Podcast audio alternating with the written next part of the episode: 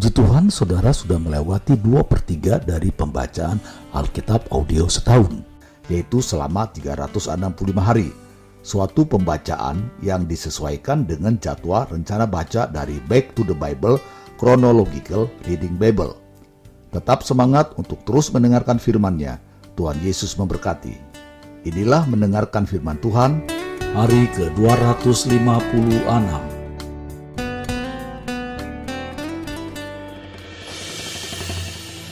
Yoel pasal 1 ayat 1, judul Firman Tuhan yang datang kepada Yoel bin Petuel. Ayat 2 sampai 20. Tulah belalang sebagai hukuman Tuhan.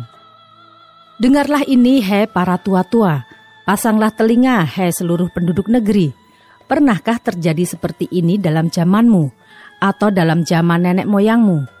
Ceritakanlah tentang itu kepada anak-anakmu, dan biarlah anak-anakmu menceritakannya kepada anak-anak mereka, dan anak-anak mereka kepada angkatan yang kemudian. Apa yang ditinggalkan belalang pengerip telah dimakan belalang pindahan. Apa yang ditinggalkan belalang pindahan telah dimakan belalang pelompat. Dan apa yang ditinggalkan belalang pelompat telah dimakan belalang pelahap. Bangunlah hei pemabuk, dan menangislah. Merataplah hei semua peminum anggur, karena anggur baru, sebab sudah dirampas dari mulutmu anggur itu. Sebab maju menyerang negeriku suatu bangsa yang kuat dan yang tidak terbilang banyaknya. Giginya bagaikan gigi singa dan taringnya bagaikan taring singa betina. Telah dibuatnya pohon anggurku menjadi musnah dan pohon araku menjadi buntung. Dikelupasnya kulitnya sama sekali dan dilemparkannya sehingga carang-carangnya menjadi putih merataplah seperti anak dara yang berlilitkan kain kabung karena mempelai, kekasih masa mudanya. Korban sajian dan korban curahan sudah lenyap dari rumah Tuhan, dan berkabunglah para imam, yakni pelayan-pelayan Tuhan. Ladang sudah musnah, tanah berkabung, sebab gandum sudah musnah, buah anggur sudah kering, minyak sudah menipis. Para petani menjadi malu, tukang-tukang kebun anggur meratap karena gandum dan karena jelai, sebab sudah musnah panen ladang. Pohon anggur sudah kering dan pohon aras sudah merana. Pohon delima, juga pohon korma dan pohon apel, segala pohon di padang sudah mengering. Sungguh kegirangan melayu dari antara anak-anak manusia. Lilitkanlah kain kabung dan mengeluhlah hei para imam. Merataplah hei para pelayan mesbah. Masuklah, bermalamlah dengan memakai kain kabung, hai para pelayan Allahku, sebab sudah ditahan dari rumah Allahmu korban sajian dan korban curahan. Adakanlah puasa yang kudus, maklumkanlah perkumpulan raya, kumpulkanlah para tua-tua dan seluruh penduduk negeri ke rumah Tuhan Allahmu, dan berteriaklah kepada Tuhan. Wahai hari itu, sungguh hari Tuhan sudah dekat, datangnya sebagai pemusnahan dari Yang Maha Kuasa Bukankah di depan mata kita sudah lenyap makanan, sukaria, dan sorak-sorai dari rumah Allah kita? Biji-bijian menjadi kering di dalam tanah, lumbung-lumbung sudah licin tandas, rengkiang-rengkiang sudah runtuh, sebab gandum sudah habis. Betapa mengeluhnya hewan dan gempar kawanan-kawanan lembu, sebab tidak ada lagi padang rumput baginya. Juga kawanan kambing domba terkejut. Kepadamu ya Tuhan aku berseru, sebab api telah memakan habis tanah gembalaan di padang gurun, dan nyala api telah menghanguskan segala pohon di padang. Juga binatang-binatang di padang menjerit karena rindu kepadamu, sebab wadi telah kering, dan api pun telah memakan habis tanah gembalaan di padang gurun. Yoel pasal 2 ayat 1 sampai 11. Tiuplah sangka kala di Sion dan berteriaklah di gunungku yang kudus. Biarlah gemetar seluruh penduduk negeri sebab hari Tuhan datang, sebab hari itu sudah dekat. Suatu hari gelap gulita dan kelam kabut, suatu hari berawan dan kelam pekat. Seperti fajar di atas gunung-gunung terbentang, suatu bangsa yang banyak dan kuat. Yang serupa itu tidak pernah ada sejak purbakala dan tidak akan ada lagi sesudah itu turun-temurun pada masa yang akan datang. Di depannya api memakan habis, di belakangnya nyala api berkobar. Tanah di depannya seperti Taman Eden, tetapi di belakangnya padang gurun tandus, dan sama sekali tidak ada yang dapat luput. Rupanya seperti kuda dan seperti kuda balapan mereka berlari. Seperti gemertaknya kereta-kereta, mereka melompat-lompat di atas puncak gunung-gunung. Seperti geletiknya nyala api yang memakan habis jerami, seperti suatu bangsa yang kuat, teratur barisannya untuk berperang. Terhadapnya bangsa-bangsa gemetar, segala muka bertambah menjadi pucat pasi. Seperti pahlawan mereka berlari, seperti prajurit mereka naik tembok, dan mereka masing-masing berjalan terus dengan tidak membelok dari jalannya. Mereka tidak berdesak-desakan, mereka berjalan terus masing-masing di jalannya. Mereka menerobos pertahanan dengan tombak, mereka tidak membiarkan barisannya terputus. Mereka menyerbu ke dalam kota, mereka berlari ke atas tembok, mereka memanjat ke dalam rumah-rumah, mereka masuk melalui jendela-jendela seperti pencuri. Di depannya bumi gemetar, langit bergoncang, matahari dan bulan menjadi gelap, dan bintang-bintang menghilangkan cahayanya. Dan Tuhan memperdengarkan suaranya di depan tentaranya. Pasukannya sangat banyak, dan pelaksana firmannya kuat. Betapa hebat dan sangat dahsyat hari Tuhan. Siapakah yang dapat menahannya? Ayat 12 sampai 17. Seruan untuk bertobat. Tetapi sekarang juga demikianlah firman Tuhan berbaliklah kepadaku dengan segenap hatimu, dengan berpuasa, dengan menangis dan dengan mengaduh. Koyakkanlah hatimu dan jangan pakaianmu. Berbaliklah kepada Tuhan Allahmu, sebab ia pengasih dan penyayang, panjang sabar dan berlimpah kasih setia, dan ia menyesal karena hukumannya. Siapa tahu mungkin ia mau berbalik dan menyesal, dan ditinggalkannya berkat menjadi korban sajian dan korban curahan bagi Tuhan Allahmu Tiuplah sangka kala di Sion, adakanlah puasa yang kudus, maklumkanlah perkumpulan raya. Kumpulkanlah bangsa ini, kuduskanlah jemaah, himpunkanlah orang-orang yang tua, kumpulkanlah anak-anak, bahkan anak-anak yang menyusu. Baiklah pengantin laki-laki keluar dari kamarnya dan pengantin perempuan dari kamar tidurnya. Baiklah para imam, pelayan-pelayan Tuhan menangis di antara balai depan dan mesbah dan berkata, Sayangilah ya Tuhan umatmu dan janganlah biarkan milikmu sendiri menjadi celah. Sehingga bangsa-bangsa menyindir kepada mereka, mengapa orang berkata di antara bangsa, di mana Allah mereka? Ayat 18 sampai 27. Janji Tuhan kepada bangsa yang bertobat.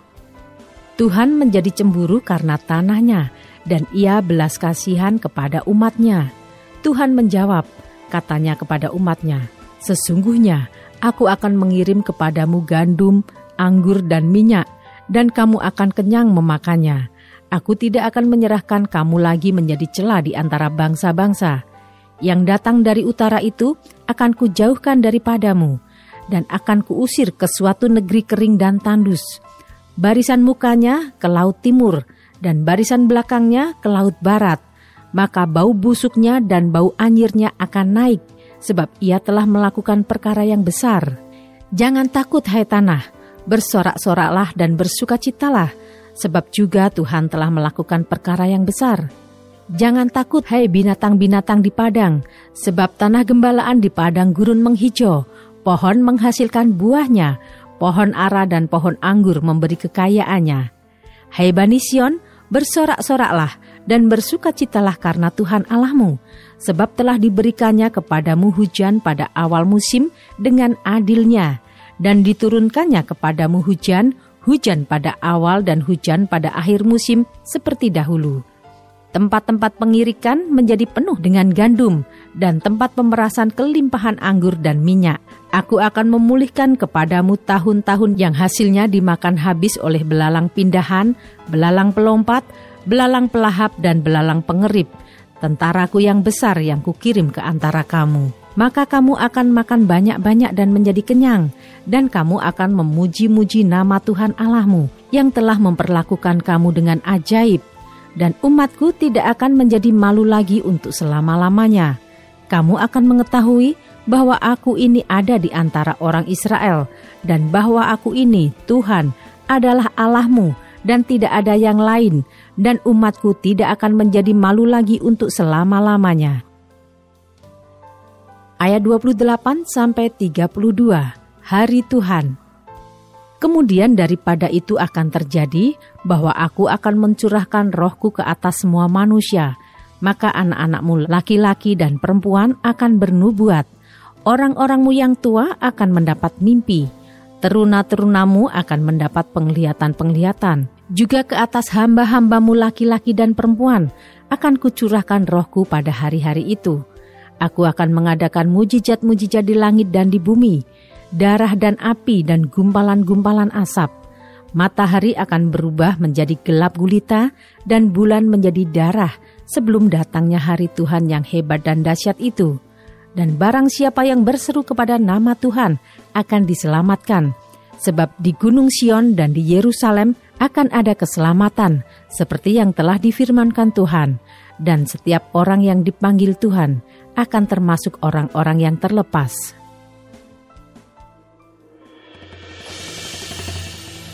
Yoel pasal 3 ayat 1 sampai 8 Hukuman atas musuh-musuh Israel. Sebab sesungguhnya pada hari-hari itu dan pada waktu itu, apabila aku memulihkan keadaan Yehuda dan Yerusalem, aku akan mengumpulkan segala bangsa dan akan membawa mereka turun ke lembah Yosafat. Aku akan berperkara dengan mereka di sana mengenai umatku dan milikku sendiri, Israel, oleh karena mereka mencerai berekanya ke antara bangsa-bangsa dan membagi-bagi tanahku. Oleh karena mereka membuang undi mengenai umatku, menyerahkan seorang anak laki-laki karena seorang sundal, dan menjual seorang anak perempuan karena anggur untuk diminum. Lagi apakah sangkut pautmu dengan aku, hai Tirus dan Sidon, dan seluruh wilayah Filistin?